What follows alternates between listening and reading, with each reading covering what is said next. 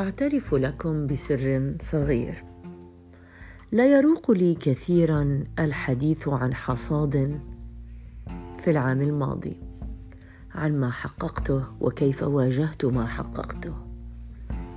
دائما أنظر إلى كل عام بأن له خصوصية تختلف وبشكل كبير عن العام الماضي. هناك أعوام تحمل أهمية خاصة لأحداث شخصية نمر بها سواء كانت جيدة أو سيئة. كلما كانت أحداث العام الشخصية جيدة كلما اتجه العام نحو أن يكون عاما طيبا.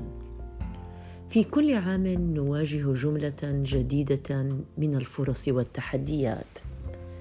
نحن من نجعل منها امرا جليا كبيرا نراها بصورة صغيرة جدا. ولكن السؤال الأبرز هل أنا أصبحت انسانا أفضل عن العام الماضي أو الذي قبله؟ هذا هو الأمر الذي يجعلني دائما كثيرة التفكير.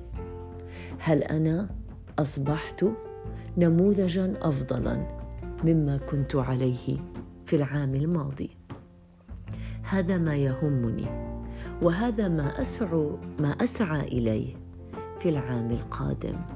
كل عام وأنتم أفضل.